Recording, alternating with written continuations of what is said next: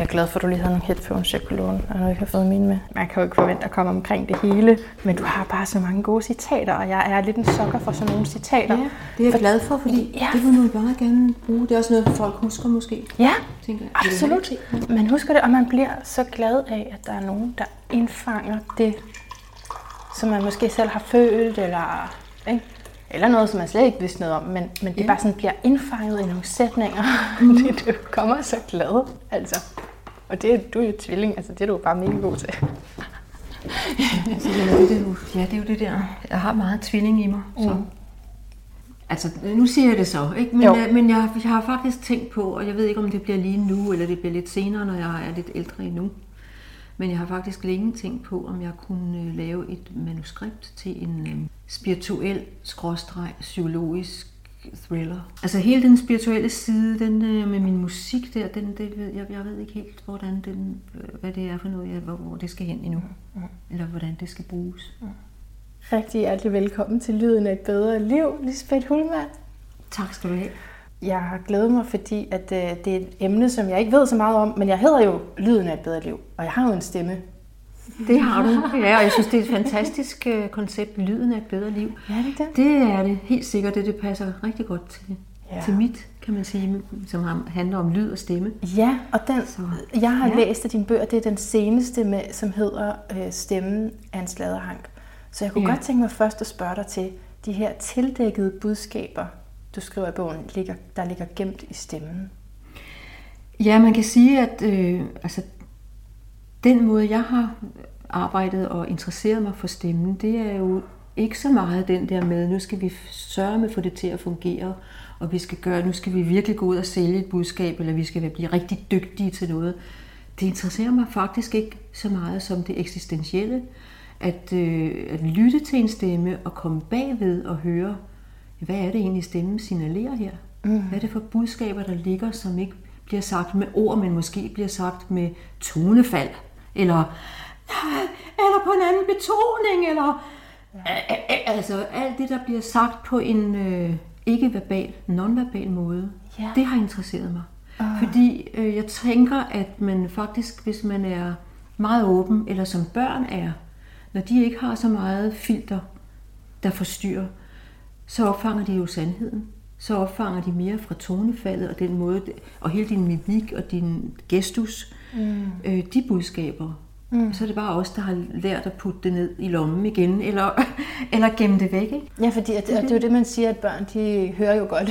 altså, de hører godt. De hører bag om ordene. Okay. Ikke? Og de reagerer på det. Ja. Så det er det, det nonverbale budskab, der ligger som en, nogle gange en, øh, kan man sige, modgående. Altså nogle gange så stemmer det ikke overens, og så bliver vi Nej. forvirret. Andre gange så stemmer det hele overens, og så, så kan vi bedre forstå og tage det ind. Så hvordan kortlægger man de nonverbale budskaber og det, du kalder stemmen bag ordene?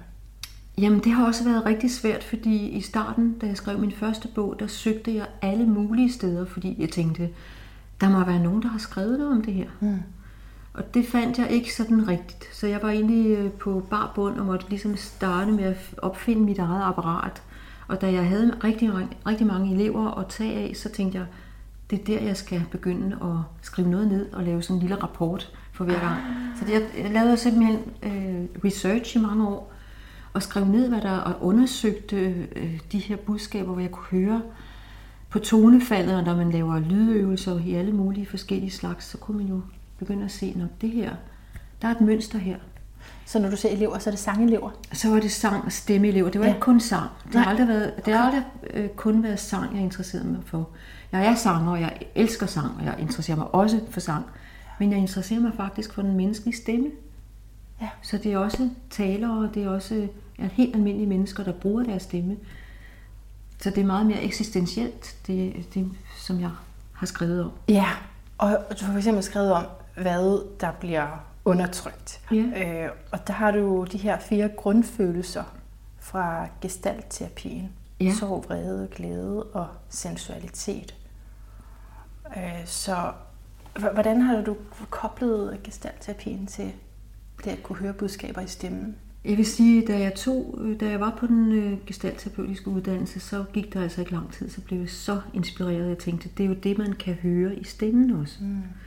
Altså, er der noget, du kan høre? Altså, er der noget, stemmen altid er connected med? Så er det vores følelser. Mm. Så man kan faktisk jo i den grad høre, hvordan altså, vreden bliver undertrykt. Nogle gange bliver klemt i halsen, mm. eller tilbageholdt, eller den bliver helt ind, altså klangen bliver lukket, øh, sidder fast, hvis, mm. den ikke, hvis ikke den bliver udtrykt. Ikke?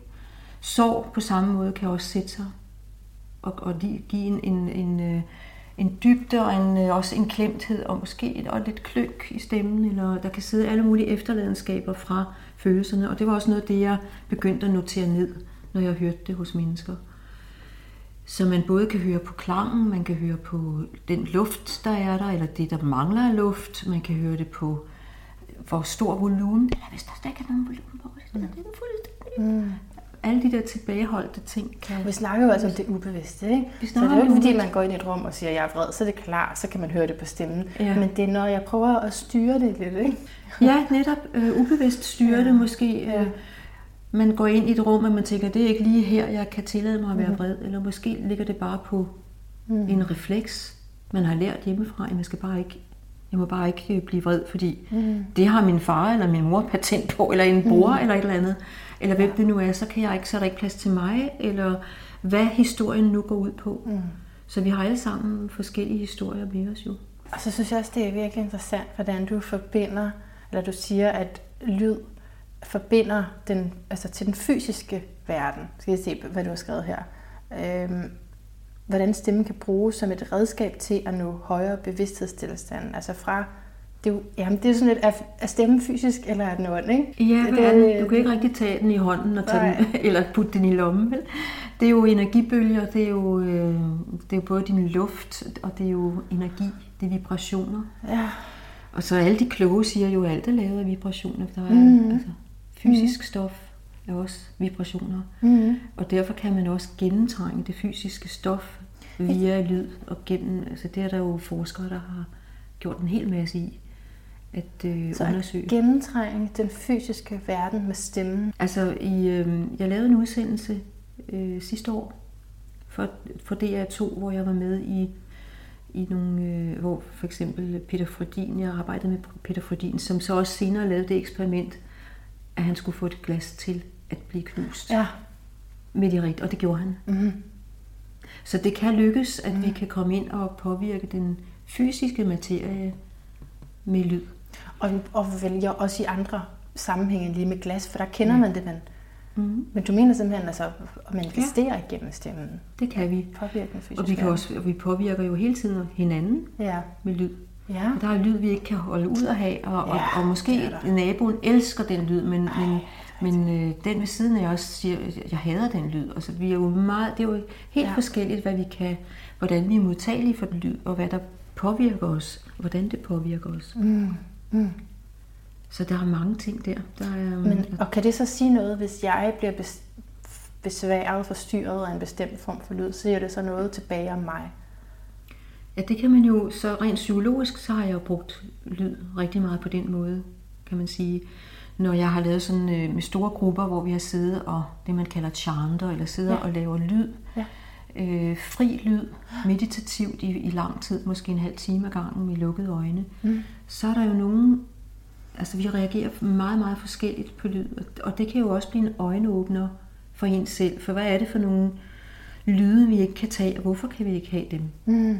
Hvorfor er det, jeg ikke kan holde ud og høre den og den sanger synge sådan og sådan? Mm. Eller, okay, jeg kan godt tage ham der, men han skal bare ikke åbne munden, for jeg kan ikke klare den stemme. Eller, der, er vi, der er vi meget øh, følelsesmæssigt påvirkelige. Og det bliver sådan meget personligt, hvad vi kan lide og ikke lide. Jeg kan huske noget, du skriver i din bog om øh, altså de projektioner, der sker ja. med en sanger. Det der med, mm. der går ud på en scene, og så alle publikum projicerer noget over, og får også noget forløst igennem den, der synger. Ja, nemlig. Ja. Fordi altså, vi lever jo som, vi er jo projektive mm. mennesker, og, og vi har jo haft meget den der, kan man sige, mere konservative måde, at der er så er der et publikum her, og så er der en, en scenekunstner. Mm-hmm. Og så er det jo alt efter, om det er noget, vi kan bruge. Ja. Om vi får ligesom noget øh, af vores eget aktiveret, vores eget stof aktiveret ved at se. Så enten så elsker vi den der, mm. eller vi hader mm. ham der, mm. hende der. Ja, eller, ja. Men vi får i hvert fald, øh, kan man sige, øh, appelleret vores eget stof. Mm. Og jeg vil jo altid sige, det, ja, det er jo godt nok, men det er måske endnu bedre, at vi går hjem og gør noget ved det selv. Så den der sanger, som er så vidunderlig, jamen det kan være, at du har noget af det selv. Det kan være lige præcis, når du elsker at høre, jeg ved ikke hvem, en eller anden øh, popsanger, så er det måske fordi, du har noget af det i dig, du, du ikke har udtrykt. Mm. Det er jo i hvert fald det, som produktion går ud på. Mm. At det, vi ser derude, det tilhører os selv i en anden grad. Så man kan blive forløst igennem andre, men du Ja. opfordres til, at man lige selv... Ja, tænker lige efter. Og siger, men Gud ved, om jeg også kan synge de der høje toner, som hun gør, eller, eller har den der kraft, som den der, ham der, den mandlige sanger har. Måske har jeg en, som ikke er brugt endnu. Og det er jo spændende. Jeg siger til lytterne, at de bliver hængende. Der, vi regner, regner med, at der kommer en lille øvelse lidt senere i det her program. Ikke? Men jeg kunne godt tænke mig først lige at høre noget om stemmens lag. De fem niveauer, som du beskriver. Du har sådan nogle typer, som er meget spændende, men det må man lige selv læse om. Hvad Ja. er noget, vi kunne tale om? Altså det er igen, øh, jeg vil sige, jeg er selv meget inspireret af gestaltterapi. Og da jeg selv var på starten af min uddannelse, så hørte jeg jo om, øh, det var på Hegnegården over på Urø, John Porting, som jeg leder derovre, og som jeg, var meget, jeg er meget begejstret for. Øh, det var faktisk hans model, videreudviklet fra, fra den gamle Pearls, som man også brugte i kommunikation, altså de fem lag, eller man siger, man snakker om, at øh, der er forskellige lag, indtil du kommer ind til følelserne. Og det handlede meget om følelser. Ja. Gestaltterapi mm. handler også rigtig meget om følelser, kort fortalt. Så det handler om at komme ind i følelserne frem for at være ude i en anden, øh, aller, aller yderst har man det, man kalder klichélaget. Det er der, hvor vi kommunikerer. Sådan, ja, det er meget dejligt vejr i dag. Jamen, det er også fint. Hvordan har du det? Jamen, har det fint. Jamen, det går fint, og det er dejligt. Ja, skal vi ikke tage en kop te? Jo, det er fint. Også. Altså, det er sådan lidt klichéagtigt. Man taler ikke rigtigt om noget. Mm-hmm. Eller også om alting. Ikke? Og det kan være meget let og levende, men det går ikke sådan dybere ind. Mm-hmm. Det næste lag er så, der bliver vi lidt mere, øhm, kommer vi ind i vores rolle. Der kan vi argumentere lidt, vi kan diskutere en film. Ej, jeg synes, det var, ej, det var en forfærdelig intro, den der. Eller, ej, lad du mærke til hans hår i det der, den scene, hvor han spillede. Eller, altså, der bliver vi sådan personligt engagerede. Aha. Vi går ind i en rolle. Der er lidt mere følelse på. Mm. Og det næste lag er så fortrolighedslaget, hvor der, der kommer følelserne, der begynder de at sive lidt igennem. Det kan være, at man har, måske er der et problem, man har med sin chef, og man kan ikke rigtig få det ud. Altså, hvad skal jeg gøre med det? Så går man og snakker med en veninde, eller man ringer til sin mor, mor, hør lige, eller, ja. altså man kommer ud med følelserne. Eller, Jeg er sindssygt vred over, at jeg kan næsten ikke holde om ud. Hvad synes du, jeg skal gøre? Eller, Ja. så kommer det her fortrolighedslag op. Der er det, følelserne begynder at sive lidt igennem. Så har man en, øh, man siger, at man går ind i noget, der hedder impasse. Det døde lag. Det er sådan lige før, at man bryder igennem til følelserne. Der går det hele i stå. Der kan man ingenting. Der fryser det hele. Man bliver lammet. Man kan ikke. Man har ingen kontakt med de følelser. Man ved ikke, om man skal det bue bage, eller hvad- skal jeg. Åh, oh, det tror jeg godt, jeg kender. Der kan man faktisk sidde fast. Nogle mennesker sidder jo fast i sådan et lag mm. nærmest hele livet og er mm. i en form for lammelse. De, de rokker sig ikke ud af stedet. Mm. De kommer aldrig rigtig ind og rører ved det, der er farligt. Det døde lag, som man også kalder det. Og så er det, at du kan bryde igennem til en følelse. Så er det som regel en af de her fire grundfølelser. Der er selvfølgelig tusindvis af andre mixfølelser og alle mulige følelser, men det er sådan mm. de mest, det er kernefølelserne. Og når du gør det, så, så åbner du til en ny bevidsthed, så åbner du ligesom til en ny begyndelse, så kan du øh, pludselig træffe nogle valg på en helt ny måde, hvor du får dine følelser med. Og det kan høres i stemmen. Det var fordi, jeg synes, da jeg lærte om de her lag, og vi, vi arbejdede med dem, så tænkte jeg, jamen det er jo interessant, fordi når mennesker går igennem de lag, så kan man jo høre det i stemmen. Så hvad er det, hvis... bruge. Ja, hvordan kan vi bruge det? Jamen, vi kan bruge det i en kommunikation. Vi kan bruge det til at blive, aha, det er der. Altså, det her menneske er i klichélaget, så nytter det jo ikke noget, at jeg begynder at kommunikere, kommunikere med, med dybe følelser, fordi så kan vi ikke nå hinanden. Så på den måde kan det afhjælpe os i. Oh. Det kan også være ledere, der sidder og skal have med rigtig mange mennesker at gøre, som, eller andre øh, mennesker, som har masser af kontakter. Altså alle mennesker kan jo bruge det her. Fordi vi kan ligesom bedre øh, navigere i det, når vi kan vide, at det her menneske er jo dybt langt inde i følelserne, men det er jeg altså ikke lige nu. så når vi ikke hinanden, så kan det være, at man skal justere lidt bedre for at få en bedre kontakt. Ej, det er interessant, at du, ja. fordi du taler jo, vi taler ikke om ord. Vi taler ikke om ord her, nej. Det er udelukkende stemmen. Ja, fordi ordene, de kan jo forvirre os og narre mm. så meget. Mm. Vi kan sige så mange ting, og det lyder så rigtigt, og vi bliver så forvirret, fordi det er ikke den, vi får ikke den kontakt. Men går vi ligesom de der spadestik dybere og, og lærer at lytte noget mere, jamen så begynder vi at matche den, vi sidder overfor på en anden måde, og så kan vi få en kontakt, og så kan vi nå nogle ting sammen. Du har et citat, jeg tror, at øh, indrammer det lidt her, at ja. når vi lytter til andre menneskers stemmer, lytter vi også til samspillet imellem mennesker, vores måde at kommunikere på, og hvordan den indbyrdes kontakt fungerer. Stemmen er vores stærkeste kommunikationsmiddel, og vi er i stand til at lukke i og op for vores kontakt med andre. Ja, det synes jeg var meget godt sagt. Ja. Eller det, det mener jeg, ja, det er jo det, jeg mener. Ja, det er det, vi taler ja, om, ikke? Lige præcis. Så det er simpelthen noget med at blive bedre til at lytte og justere sig selv i forhold til andre, og, og lytte bag ved ordene. Og hvis du så har lyst til at tale meget dybere om dine inderste følelser, men den her person, du sidder med, du kan mærke, at han er i klichélaget. Han er måske deroppe, eller sådan ja. andet. Det kan være, ja. man sidder der fuldstændig deroppe. Ja. ja. Nej, var det dejligt, eller... Jamen så... Hvad gør man så? Så prøver man jo sådan øh, langsomt måske at komme øh, lidt derhen af, men, men hvis man starter med at være i hver sin bås, ikke, så, så er der ikke et møde. Nej. Så bliver der ikke et møde. Mm-hmm. Det er jo noget med at lytte. Og det er jo, kan man kan sige, den her verden, vi lever i, som er så hæsblæsende og er så øh, mediefixeret, og der er så meget information hele tiden, og der er en lydside, der er stærk. Nogen vil sige støjende. De der ja. pauser, de er jo guld værd. Lige at stoppe op, lige at lytte. Mm. Og måske skal man ikke så meget andet end at lytte nogle gange. Jeg har jo været lidt nervøs for, at du skulle høre min stemme. Når, når nu din bog hedder Stemme af en sladerhank. Og ja. jeg, jeg plejer selv at sige om stemmen, at den er sjælens vibration. Ja, det tror jeg også, ja. Tror du også det? Ja, det tror jeg bestemt.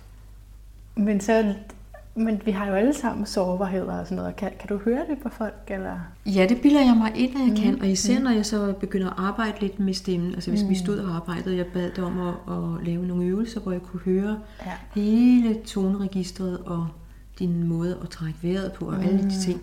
Ja. Men altså, jeg kan da, jeg vil godt sige, jeg ved ikke, om jeg lige vil bestemme, type bestemme dig, men øh, jeg tror, du har det, jeg kalder forføreren i min... Altså fordi du har den der meget blidhed i stemmen, du taler ikke for kraftigt.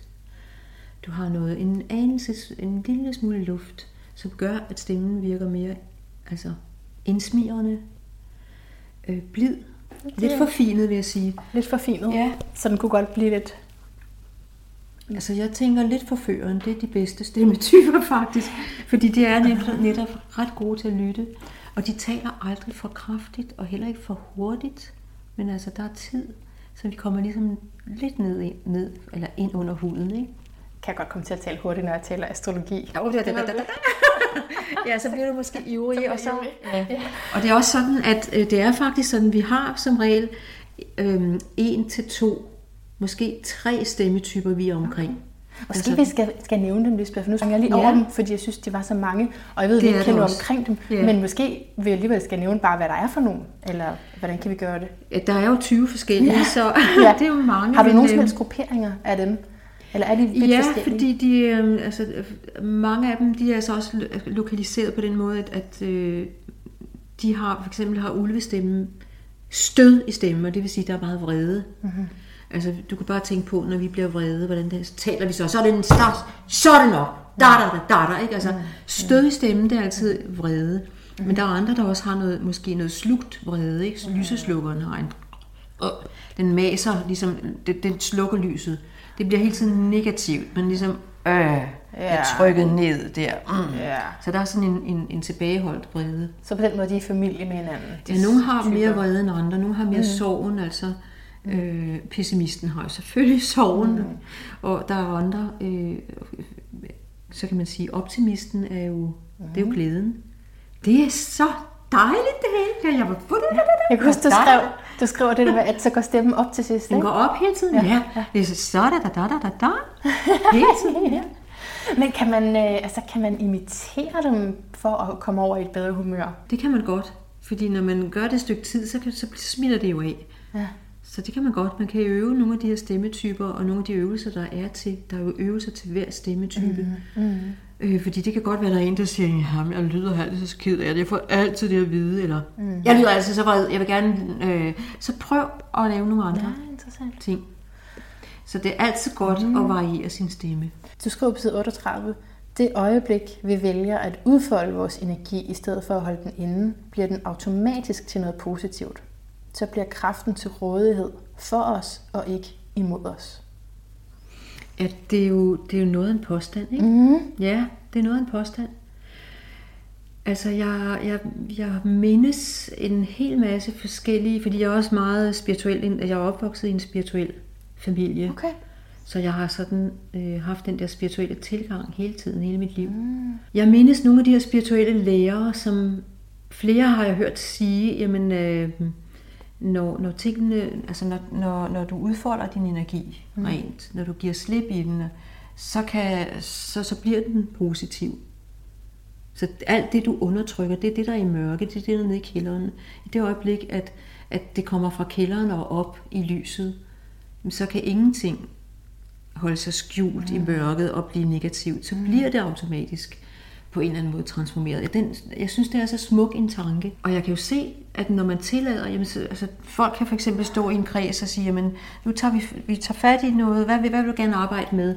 Jamen, jeg er så vred, eller jeg er så ked af det. Ja. Øh, jamen, så prøv at få det, altså i det øjeblik, det lykkes Aha. det her menneske virkelig at få sluppet det ud, mm. og udtrykt det fuldt ud, altså mm. give det lov, jamen så forandrer det sig. Mm. Det forandrer sig, lige, ja. og, og det gør det faktisk ret hurtigt. Altså den energi kan ikke holde. Så bliver det, jamen så lige pludselig så, hov, jamen så er det noget andet. Ja. Og det synes jeg er interessant, fordi det, det har jeg oplevet så mange gange. Så der, der kommer noget andet ud af det, og der kommer en øh, ny erfaring. Så er det op til hver eneste, altså hver eneste menneske måske at tage den med hjem og sige, okay, hvis jeg kan gøre det her, så kan jeg også gøre det ude i verden. Mm. Så kan jeg også forvalte den energi på en anden måde. Mm. Og er der sket en transformation et sted, så er den jo, altså, ja. så er den jo sket i dig, ikke? Så er den sket et sted, ja. og du kan, du kan genkende den, mm. du kan finde den igen, ikke? Det giver rigtig god mening. Jeg bliver altså lidt nysgerrig, når du siger, at du er vokset op spirituelt. Må jeg spørge til det? Ja, det kan du tro. Det må du gerne. Hvordan, altså, hvad har du... Altså, nu ved jeg, at du er, du er en fellow astrolog. Ja, det, det er også. Ja. det vi skrev sammen. Ja. Men øh, hvad mere sådan, har du Altså, jeg er opvokset med forældre, som øh, var tilknyttet Martinus. Ah, spændende. Mm. Og hele hans verdensbillede. Så mm. der er jeg jo altså, der er jeg kommet i de kredse fra, jeg lå min mors mave. Så det vil sige, at mine forældre snakkede jo kosmologi, som det hedder. Mm. Altså Martinus har jo lavet et kæmpe værk. Mm. Øh, blandt andet hans, hans hovedværk, som hedder Livets bog i syv bind. Meget gedint og meget spændende. Så jeg har fået det sådan ind, fra jeg var helt lille. At man slår ikke en mygge ihjel. Mm. vi tænker over, hvad vi gør. Mm. Altså sådan, og, øh, og tror du, det, det var det, der gjorde, at du ikke kunne blive i, var det en sangkarriere, du havde før det her? Ja, ja. det var det faktisk. Altså, jeg, øh, jeg startede jo meget tidligt, og det kunne man også sige, det, det ville Martinus jo nok have sagt, jamen det er jo fordi, du har du har gjort det her i et tidligere liv før. Ja. Du har sikkert gjort det i mange liv, har sunget, og så repeterer vi i, i de unge år. Ikke? Mm-hmm. Så jeg kom, altså, som jeg tror, jeg var den yngste, der blev optaget øh, på den jyske opera dengang. Og der sang jeg så i tre et halvt år øh, derovre, og, og det, jeg elskede musikken, og det gør jeg stadig. Ja. Men jeg synes, der var så meget, øh, som jeg var jo helt ung og grøn, så jeg, altså det stridede inden i mig omkring den, den øh, måske måde, mennesker nogle gange behandler hinanden på. Mm. Og de der albuer, der var. Det kan jeg forestille altså, Fordi man gerne vil frem. Og man vil frem, og også på, på trods af alle mulige. Øh, det, det var ikke behageligt. Mm. og der var mange ting, der ikke var behagelige, og der var, som ikke var rare. Og jeg tror ikke, jeg havde fuldstændig sandheden inde i mig, men jeg havde bare en, øh, altså, nu ved du noget om astrologi, jeg havde mm. skytteascendant, så, ja. så jeg, jeg blev også oprørsk, og så tænkte jeg, det skal jeg ikke. Mm. Jeg vidste egentlig ikke helt, hvad jeg skulle, men jeg, jeg tænkte, det her det er ikke helt den form. Så jeg, jeg tog mit tøj og gik, og så begyndte jeg faktisk at arbejde med min krop.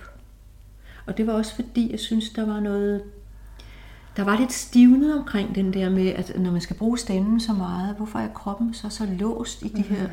I hvert fald dengang var det yeah. sådan lidt stivnet, og det oplevede jeg i hvert fald personligt. Mm. Mm. Så jeg tog sådan en bevægelsespædagogisk uddannelse mm.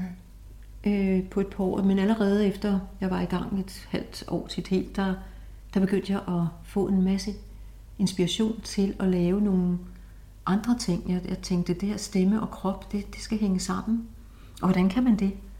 Og så tillod jeg mig at lave alle mulige øh, skøre, vilde øh, lydøvelser, som man ikke må, når man er klassisk sanger. Jeg skal synge pænt Mozart sopran, det var det ikke. Det var Nej. ikke... Det var slet ikke sådan noget. Det var, det var vildt, og det var anderledes, og det var sjovt, og det var, det var for alle mennesker. Mm. Så det her med den menneskelige stemme, den, den fascinerede mig sådan. Og jeg elskede at arbejde, og det gør jeg stadig med alle typer af mennesker. Ikke? Altså, ja. Fordi der er ikke et eneste menneske, der er ikke interessant, synes jeg. Når de begynder at åbne stemmen og holde op, det er så mange klangfarver, så mange øh, sjæle. Ikke? Altså. Det er jo dejligt. Så det er jo, ja. Fordi den der titel, stemmemandslavede hang, der kunne man godt lige blive lidt bange først, men med den der invitation, altså, så, så bliver man jo helt rolig ikke? Ja. og tryg. Ja, det er rigtigt. Det har jeg slet ikke tænkt på det, at stemmemandslavede hang. Men det kan, hvis, der er, hvis man uh, kan blive bange for noget, så bliver jeg det, så det skal du ikke tage dig af. Nej, okay. Yeah. Øh, jamen, altså, det tror jeg måske var en meget god øh, overgang til at måske at lave sådan en øvelse der. Ja. Mm. Og jeg ved, du har jo et væld af dem, så det ja, er jo bare et spørgsmål om hvilken. Skal man lave en øvelse med sin stemme, mm. så er det jo allerbedst at stå op. Ja, så det inviterer vi bare til, selvom vi sidder ned. Så selvom vi sidder ned her, ja. så skal man stå op. Og det der med at få vejrtrækningen med, er rigtig, rigtig vigtigt. Mm. Altså vejrtrækning er jo det, der bærer selve tonerne. Vejrtrækning og så det, man kalder støtten, og det vil sige, at at begynde at trække vejret, det kunne for eksempel være, at, og jeg tror faktisk, at tager lige nu, der, det er lige sådan en indskydelse, ja. øh, også fordi der er rigtig meget stress i vores hverdag. Ja. Og stress har det jo med at krybe op i vejrtrækningen. Altså det vil sige, når vi som sanger arbejder med en bund, altså virkelig at få en dyb vejrtrækning, der går, som jeg siger, ned under navlen. Bare sid her, eller stå op og mærke, at I kan trække vejret ned under navlen, syd for navlen. Det er der, at den skal mærkes. Så sker der ved stress, det kan man nemlig også stå og lige mærke, at vejrtrækningen langsomt kryber op efter. Man spænder i en masse muskler, man bliver helt til sidst så har man sådan en, en lille stakåndet vejrtrækning, man har også et panser, man stivner, man øh, spænder i en nakke, man spænder, man prøver at spænde med og spænde op og overdrive, så man faktisk bare har sådan en lille vejrtrækning. Det kan man ikke bruge til noget. Mm. Det kan man ikke, så ah, prøv at give slip. Læg et par hænder på maven, syd for navlen, og så træk vejret ind bare med gennem munden, hvor I siger, ah. og maven går ud der, øh, fordi luften fylder, og så pust ud og sige på et F og sige, mens I ligesom øh, presser maven indad. Brug, musk, brug musklerne til det. Og når jeg har gjort det, så tager I en ny, sådan lidt hurtigt og siger, Ah et gennem munden og pust ud på et F. Og så følg den vejrtrækning til dørs. Og så gør I det igen ind i luften og med ballonmave, og så puster I ud på en tone og siger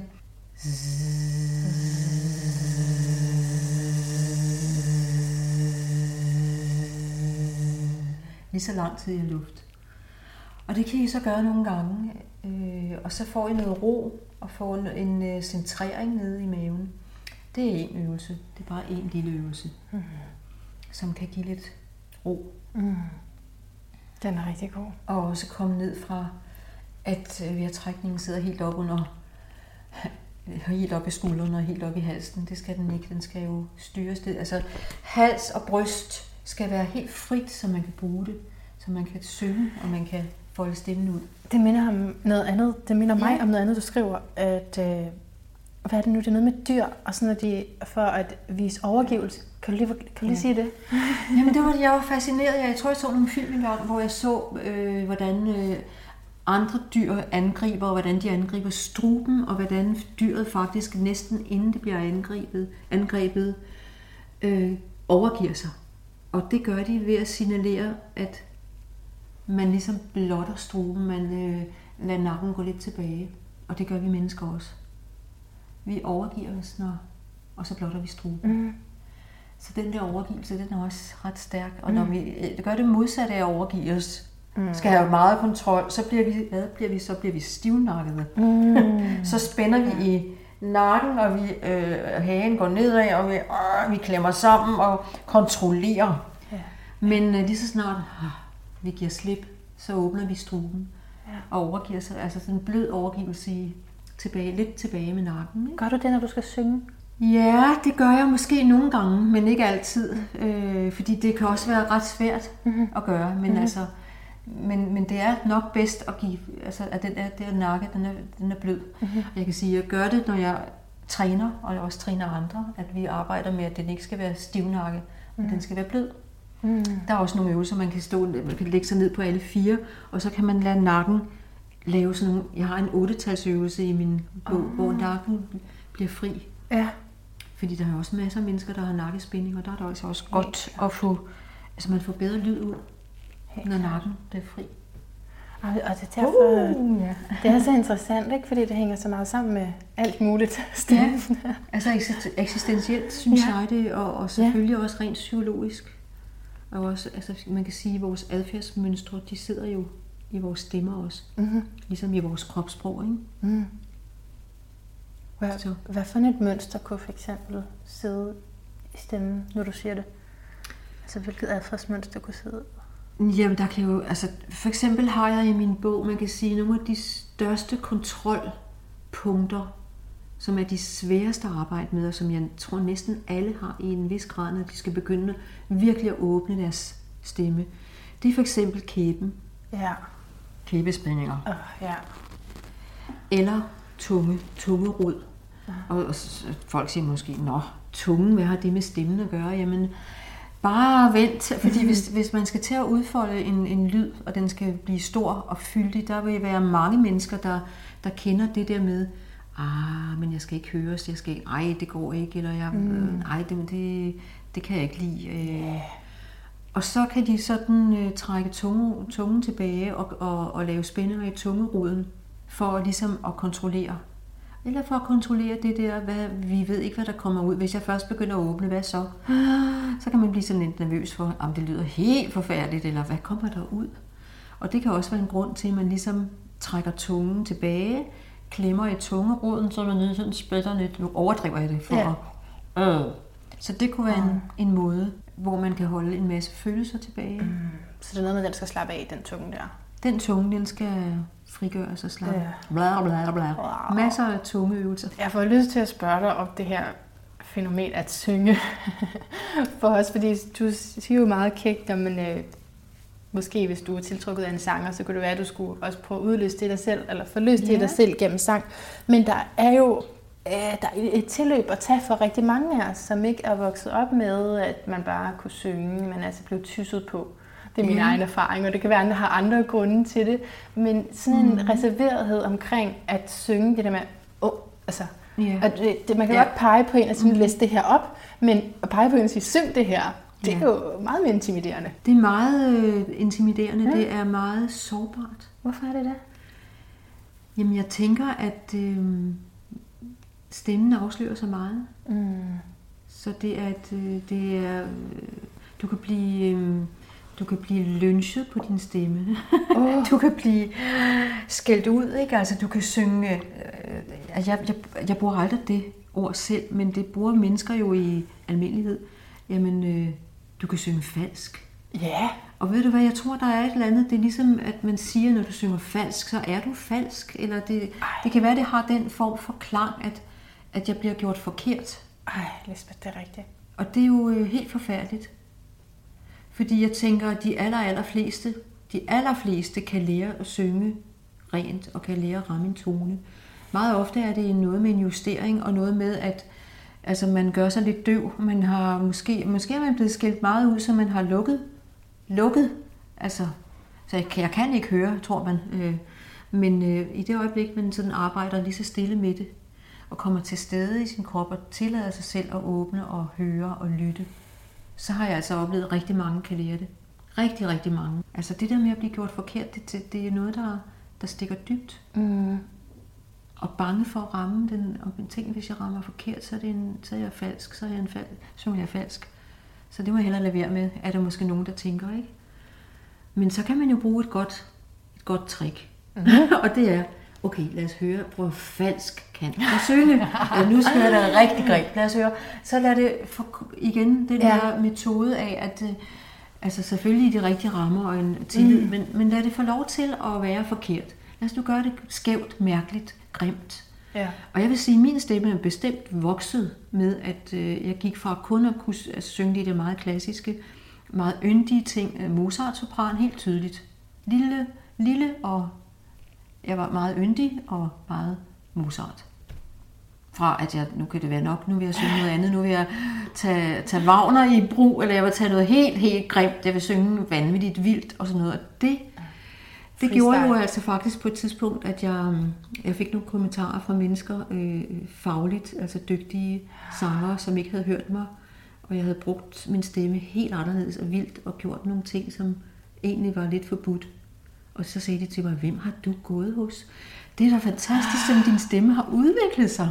Og så tænkte jeg, Nå, så er det jo ikke helt galt. Jeg har gået hos mig selv. Ja. Eller det der med at ja. ture øh, åbne, ja. det der også er grimt, og det der ikke mm. altid er lige kønt øh, for at afmontere. Ja, altså fordi jeg får sådan nogle flashbacks til, det, jeg har slet ikke tænkt på det i forbindelse med din bog, men det, jeg synes, det rammer ned i noget meget ømt og sårbart lige pludselig, fordi da jeg jo gik i børnekor tilbage, mm. jeg opvokset i sådan noget missionshus, ikke?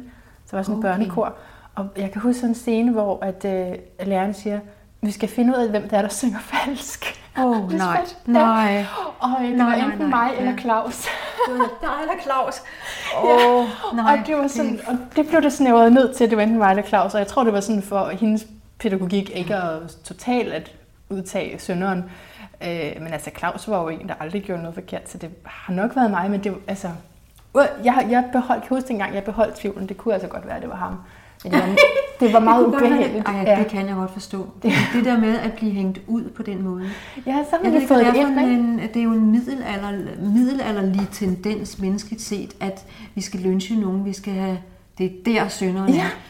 Tænk hvis vi lavede om, tænk hvis vi vendte tingene om, i stedet for at have alle de der stemme stemme ud programmer, så havde nogen, der stemte ind. Ikke? Mm. Og tænk, hvis vi tillod for eksempel bare i skolerne, altså okay, bare fem minutter, nu skal vi have lov til, nu laver vi fem minutter, hvor vi maler de grimmeste malerier, eller synger den grimmeste tone, eller laver de grimmeste ansigter, eller laver det, altså få tingene ud også mm. lidt.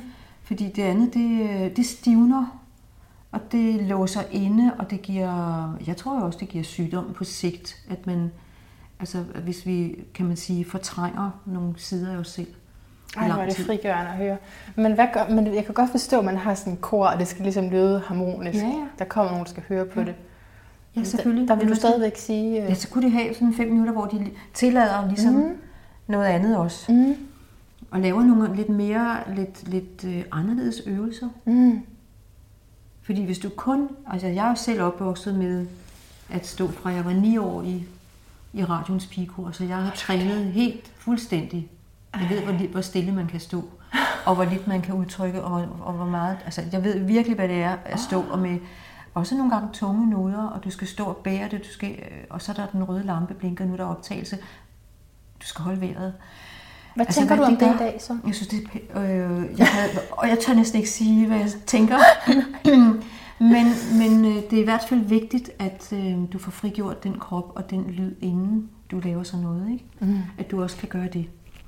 Fordi ellers så, så ender det med, at du bliver mindre og mindre og klemmer dig selv ind. Og det er ikke sundt. Det er sundt at få givet los og få frigjort den først. Og tilladt. Så kan du begynde at disciplinere, ikke? Men du skal mm. stadigvæk gøre det andet, mener jeg. Mm. Altså, vi skal være hele mennesker. Og hvorfor? Altså, det er jo også det, jeg skriver i bogen. Altså, jeg skriver også noget omkring følelser. Mm. At vi har, og det er det samme med følelser. Vi har det med at band, næsten bandlyse øh, følelser, vi synes er negative. Mm-hmm. Altså, der findes ikke negative følelser, tror jeg. Der er følelser, der er... Altså, det skriver du. Ja. Der gør det, det er os, der gør det til noget negativt. Altså, ja. det er bare følelser. Det er jo følelser. Og de sidder også i stemmen. Men i det øjeblik, vi kan fagne dem og udtrykke dem og have dem, altså lade dem øh, øh altså, øh, hils på dem, øh, være ven med dem, blive ven med dem og lade dem så passere videre. I stedet for at... Altså det, der sker, når, når vi bandlyser noget, det er, at det virkelig bliver der. Mm-hmm. Det bliver siddende i kroppen mm-hmm. et eller andet mhm. sted. Mm-hmm. Og det sidder også i stemmen. 100 procent. Og man kan sige følelser, i en, altså skulle vi så gå til de professionelle øh, sangere, som øh, måske ikke har en familie, der har godkendt. Der er måske en familie, hvor de er opvokset, men må absolut ikke være ked af det. Mm. Så vil jeg våge at påstå, så kan den sanger ikke forløse en smeltende, smeltende, rørende arie, der skal røre hele publikum. Mm. Fordi den vil være stivnet et sted. Mm. Fordi den vil have været forbudt et sted. Yeah. Du har ikke lært at bruge den. Så du synger på en teknik, og du synger måske fantastisk, og alt, og det er flot, og det er teknisk, og det er en vidunderlig stemme. Men du kan bare ikke rigtig røre ved den. Mm. Du kan ikke få folk til at få tårer i øjnene, eller du kan, der kommer ikke den form for kontakt til følelsen. Mm. Og det kunne lige så gælde altså, vrede og glæde og sensualitet også, ikke? Det er det samme. Mm-hmm. Og det er virkelig interessant, hvordan det hænger sammen. Ja. Så i virkeligheden har jeg måske et budskab til hele den måde, ja. vi øh, eksistentielt øh, håndterer os selv, sådan med, hvad der er rigtigt og hvad der er forkert. Det har du. Du skriver, det her livet vil være meget lettere, hvis ikke vi dømte de negative følelser så hårdt. Ja. Altså så i den sætning ligger der jo en accept af, ja, det er negative mm-hmm. følelser, men skal, hvorfor skal, altså oveni at de negative, bedømmer vi dem så, ikke? Eller dømmer vi dem så, jo, som noget, der ikke må være der? Eller? Ja, eller negativt. Man kan jo også sige, men øh, hvis man siger, okay, du er meget jaloux. Mm-hmm. Ja. ja. Nå. Eller siger til sit barn, der, med, der udfolder et eller andet, er vanvittigt vred, eller man altså har den indstilling, nå, jamen, altså favn det lidt, være nysgerrig. Ja. Men hvad må det betyder for dig, og hvordan er det at være? Og så tænk, hvis der var en forælder, der sagde sådan til en, ikke? at man ikke kunne mærke lige med det samme, hov, der må jeg jo hellere sluge den igen og gemme den langt, langt, langt væk. Mm. Fordi den kan ikke tåle at komme. Det er noget forfærdeligt noget. Det er noget med mig, der er noget galt her.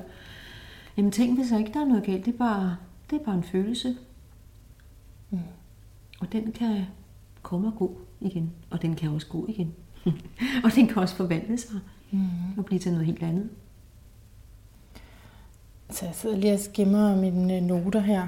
Mm. for øh, gode citater. Der er i hvert fald et, jeg lige vil nu have med fra side 52, hvor du skriver, at for at nå ind til vores autentiske stemmer, er vi nødt til først at erkende, hvilke roller vi spiller, og siden kunne vælge at give slip på dem. Der var engang en, øh, jeg tror simpelthen, det er en meget klog kone, der sagde, altså vi er nødt til at vide, hvor støvet er, før vi kan fjerne det. Altså sådan har et enkelt billede. ja. Vi er nødt til at kende alle de her roller, mm. før vi måske kan blive fri af dem. Ja. Altså vi, har, vi er nødt til at blive bevidste.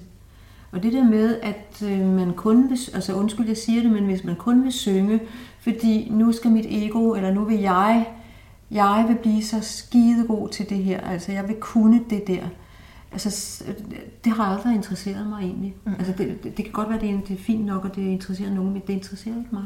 Nej. Og det er derfor, jeg har skrevet en bog, som egentlig handler om altså at opdage dig selv i virkeligheden. Ja. Gennem stemmen og udfylde folk stemmen. Og måske også det her med at erkende, at vi hele tiden indgår i forskellige roller. Du sagde lidt tidligere med, hvis man har været den, der ikke måtte være bred, fordi en storebror eller en, anden, en familiemedlem, der mm. har taget den rolle. Ja. Altså bare være bevidst om, at okay, jamen så ja. går jeg herover, fordi, altså, ja. fordi vi indgår i nogle roller. Så tager vi en anden, ikke? Ja, det er den, det der er ledig. Ja, ja, vi tager nogle andre, der er ledige, og nogle gange er de, mange af dem optaget, så er der ikke så meget at vælge mellem. Nej. Ja, og så videre. Ja.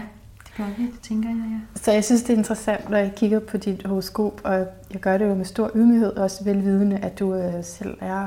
Kan, kan vi, kalder du dig astrolog? Eller Nej, ved altså, du, jeg, jeg er jo ikke... Øh, jeg har er ikke jo ikke det, du en, bruger en, nu, øh, men- Nej, det er det ikke. Jeg har lært astrologi meget Ja. tidligt, og har brugt det fra siden jeg var 18 år. Så. Ja, der tænker jeg på din sydlige måneknude, eller det vi kalder det karmiske punkt, i løven simpelthen. Ja. Ikke? Som jo handler Ja. om øh, roller, som handler om lyst og Ja. passion, og Mm. øh, i høj grad at udtrykke sig. ja, jeg tror, det er sådan et scenemenneske. Ja, Det er det. det er det, du kommer, det er det, du Det er kommer fra. Ja, Ja. ja, det er Ja. rigtigt. Der er faktisk også rigtig mange, der har gættet mig til at være løve. Ja. Jeg gættede på, at jeg var løve, men det er jeg altså ikke. Er det ikke interessant, at man ser Jo. det Jo, så tydeligt i os? det irriterer mig lidt. ja, men sådan er det jo. Ja, men det er interessant, det er i løven, og så er den nordlige selvfølgelig i vandbæren. Mm. Og det er faktisk også den øh, bevægelse, jeg egentlig har været lidt mm. igennem. Jeg har tidligt stået på en scene, og tidligt blev jeg plukket ud som altså, solist hele tiden, så fra jeg var helt lille. Og jeg blev også træt af det, fordi det er den sydlige måneknude, det har jeg, der har jeg været. Ikke? Mm-hmm. Jeg Så- søgte, og så hvad gør jeg? Så jeg laver grupper. Så laver du Så laver jeg grupper, og grupper, nu ved jeg ikke, hvor mange der kender, men astrolo- astrologisk set, vandbærerne er jo hersker i øh, 11. hus, som er grupper. Det er, noget med, det er den nye tid, det er noget med at være mere fælles om tingene, og få noget andet til at ske, det der er i tiden. Det er ikke så meget den enkelte, det er mere, det er mere helheden, og det er mere menneske, som jeg ser det i hvert fald. Fuldstændig, fuldstændig. Ja. Så det har du øh, kunne mærke helt personligt, en trækning imod. Det har jeg kunnet mærke, ja. Mm. Det er spændende med de der måneknuder, synes jeg. Ja, ikke? Mm. Og, og til noget som nysgerrig tvilling, så må du også bare være nysgerrig på alt muligt, eller Oh, interesseret ja, i ja, alt ja, muligt. ja, ja, det er rigtigt.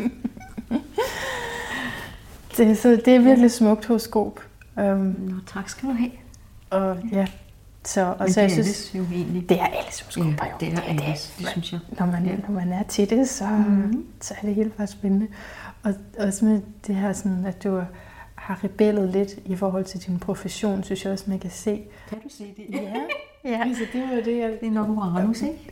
Jo, ja, det ja. er, men og jeg tænker på øh, din Kiron der i Stenbukken. Ja, Altså sådan, at det både er noget, der har været en smerte på et tidspunkt, men i høj grad også noget, som du så går ind og fornyer og gør til dit helt eget, og er mentor for andre inde på den Ja. område af Stenbukken, som kunne have en relation til karriere. ja, og det kunne man jo, altså det er jo svært ikke at lige gå ind i det, ikke? fordi altså, nu er det jo selvfølgelig, nu det her, vi er i nu, det er rent personligt, men man kan jo godt, det er jeg ikke så meget imod.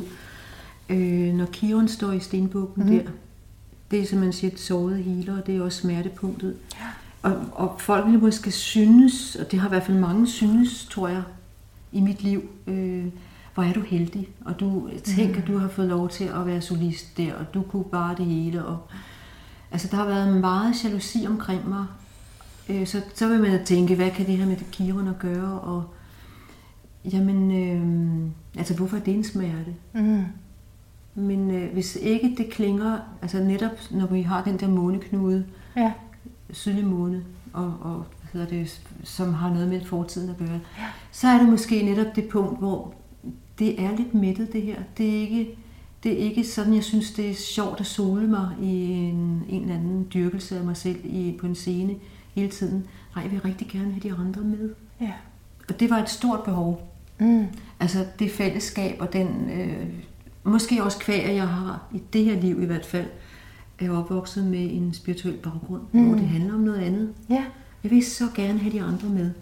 Det er faktisk meget fra mit hjerte. Ja. Jeg elsker, når vi kan være sammen om noget. Ja. Men at stå og sole sig, det, det, det er jeg blevet hurtigt træt af allerede som barn.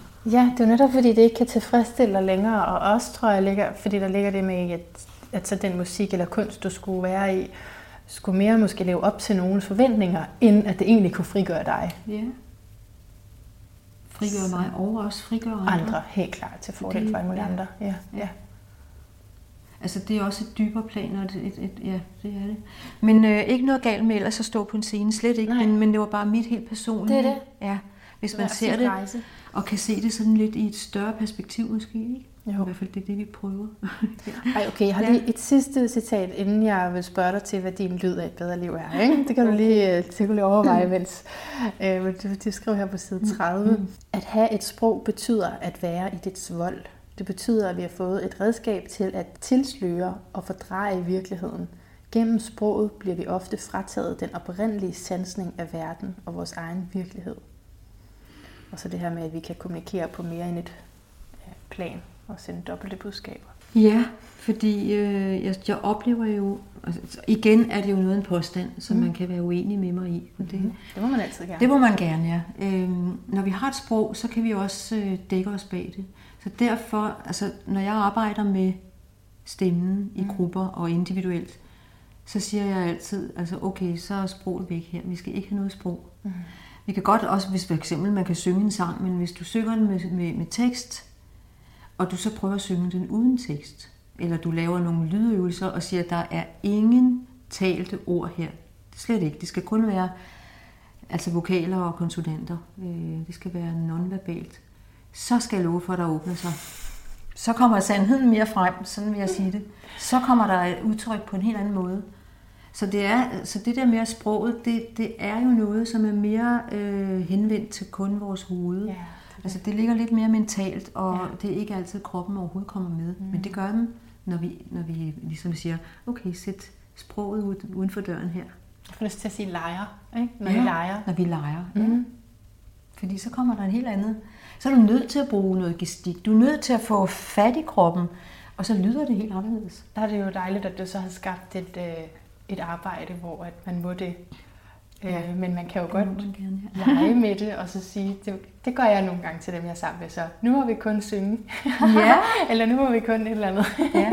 og så er det ikke altid, folk er med på den, men jeg synes, det er sjovt. ja, det kan jeg godt forstå, fordi det, det bringer den lejen frem i mennesker, som ja. vi jo alle sammen har, og nogen har glemt den lidt. Ja. Glemt at lege. Mm. Vi kan nå det endnu. Det kan vi. Ja. Altid. Altså de der smertelige mm. scener, hvor situationer i børnekor og andre tidspunkter, hvor ja. man er blevet udskammet på. Okay. Man, man kan ja. heldigvis uh, fortsætte livet mm. i en anden mm. retning, ikke? Du kan viske det rent til jer. Ja, så det, det har ja. virkelig været spændende, og jeg glæder mig nu til at høre din lyd af et bedre liv. Min lyd af et bedre liv? Ja. Men så tror jeg bare, jeg vil lave sådan en... Øh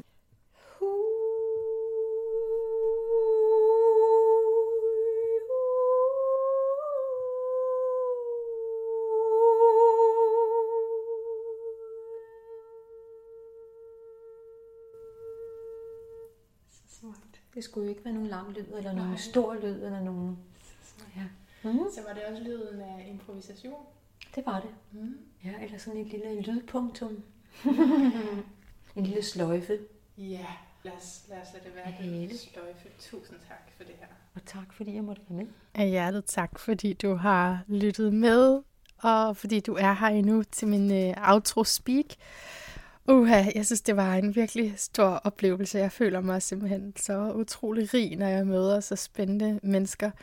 Og øh, ja, jeg håber også, det har hjulpet dig til at forstå sammenhængen imellem psyke og stemme. Og øh, jeg sidder her med Lisbeth Hulmans bog, og jeg fik ikke sagt, øh, at, øh, men det kan jeg sige nu, at der er, der er de her øvelser bag, men det, der er så sjovt, det er, at man kan se sådan her typerne, for eksempel så er der en, der hedder rømmerne, og så er der en QR-kode oppe i, i hjørnet, og så tager man sin QR-scanner, som man kan få på sin telefon. Hvis ikke du kender dem, så kan man ja, ind i sådan en App Store øh, øh søge på QR-kode, og der vil jeg godt lige sige, der har altså faktisk prøvet en gang, hvor at jeg bare sagde, ja, ja, ja, fordi jeg lige skulle have scannet et eller andet, og så betalte jeg 89 kroner i måneden. Det var sådan, så bare lige læg mærke til, hvad du siger ja til. jeg har fundet en QR-scanner nu, der ikke koster noget. Og så kan man tage sin QR-kode, scanner, og så kan man komme ind på sådan nogle små film, som der er blevet lavet øh, til den her bog, hvor som viser de forskellige typer. Det er da ret fedt. Ikke? Det er da gennemarbejdet. Det er naturligvis Content Publishing, der står bag. Det er altså et forlag, som jeg har samarbejdet med før en gang.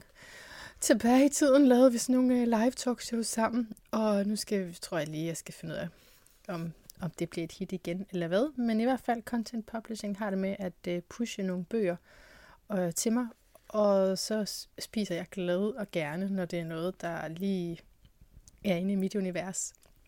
Og det her var faktisk en, jeg fik tilsendt tilbage i september, mener jeg. September 19. Som jeg bare lige pludselig kom i tanke om, så sådan, hov, vent lidt. den fik jeg aldrig nogensinde læst. Og så læste jeg den, og så interviewede jeg hende, og du har lige hørt resultatet. Jeg synes, øh, ja, jeg synes, det var enormt dejligt at tale med hende. Og også få sådan flere bud på, hvor forskellige vi er. Altså, som du kunne høre, så hun selv sådan... Øh, ja, hun vil ikke kalde sig astrolog, for det er ikke en af titlerne, men hun er sådan set astrolog, altså både uddannet det og ligger, har i hvert fald tidligere lagt horoskoper. Så, så øh, hun har jo, og det kan man se i hendes bog, også en interesse for det her med de forskellige personligheder. Og det synes jeg bare, det er så vildt, hvor vi kan blive ved med det i alle mulige forskellige sammenhænge, ikke? At få øje på, jamen vi er skis med forskellige. og, øh, og det er helt okay. Det kan noget forskelligt. Vi kan noget forskelligt. Det er i hvert fald min egen lille konklusion herfra. Men udover det selvfølgelig også, der er noget vigtigere end konklusioner, nemlig at få åbnet, open your mind, at få åbnet for sindet eller for mulighederne. Og det synes jeg helt klart, hun har gjort ved at øh, komme med, med det her input i en retning, jeg ikke har selv har tænkt særlig meget over. Og så lige pludselig får man, fik jeg sådan nogle flashbacks til at synge i kor og føle sig rigtig ævlig over at lide helt anderledes end de andre. Ja, men ikke så meget mere. Jeg vil bare lige sige, øh, nu her, hvor der er så mange informationer, og så mange podcaster, og så mange medier, og indhold, man bare kan frode i, så vil jeg virkelig værdsætte, hvis du øh, husker at sætte nogle stjerner og dele og fortælle dine venner om, der findes noget, der hedder Lyden af et bedre liv. Og måske kunne det være din ugenlige inspirationskilde, fordi hende der Manna, hun er godt nok crazy og går ud til alle mulige forskellige. Det er i hvert fald det, jeg prøver på at være. Indtil vi høres ved igen.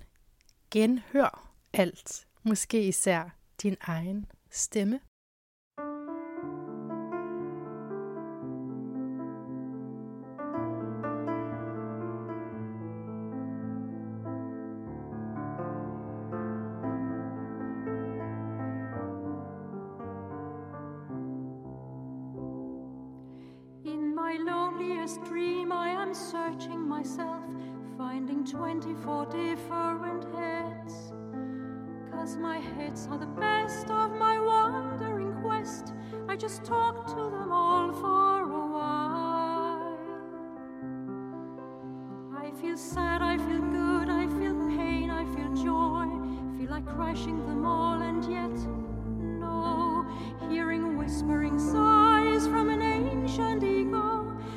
Stop here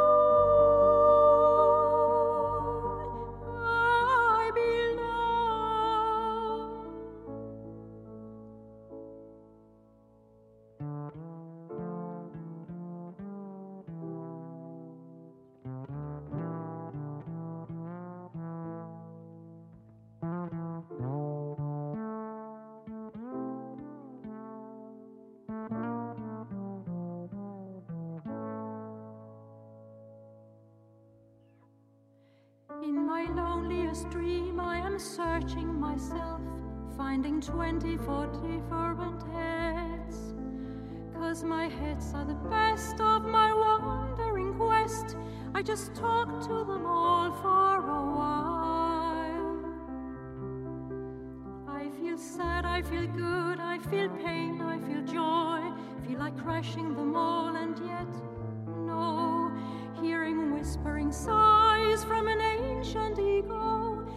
Stop here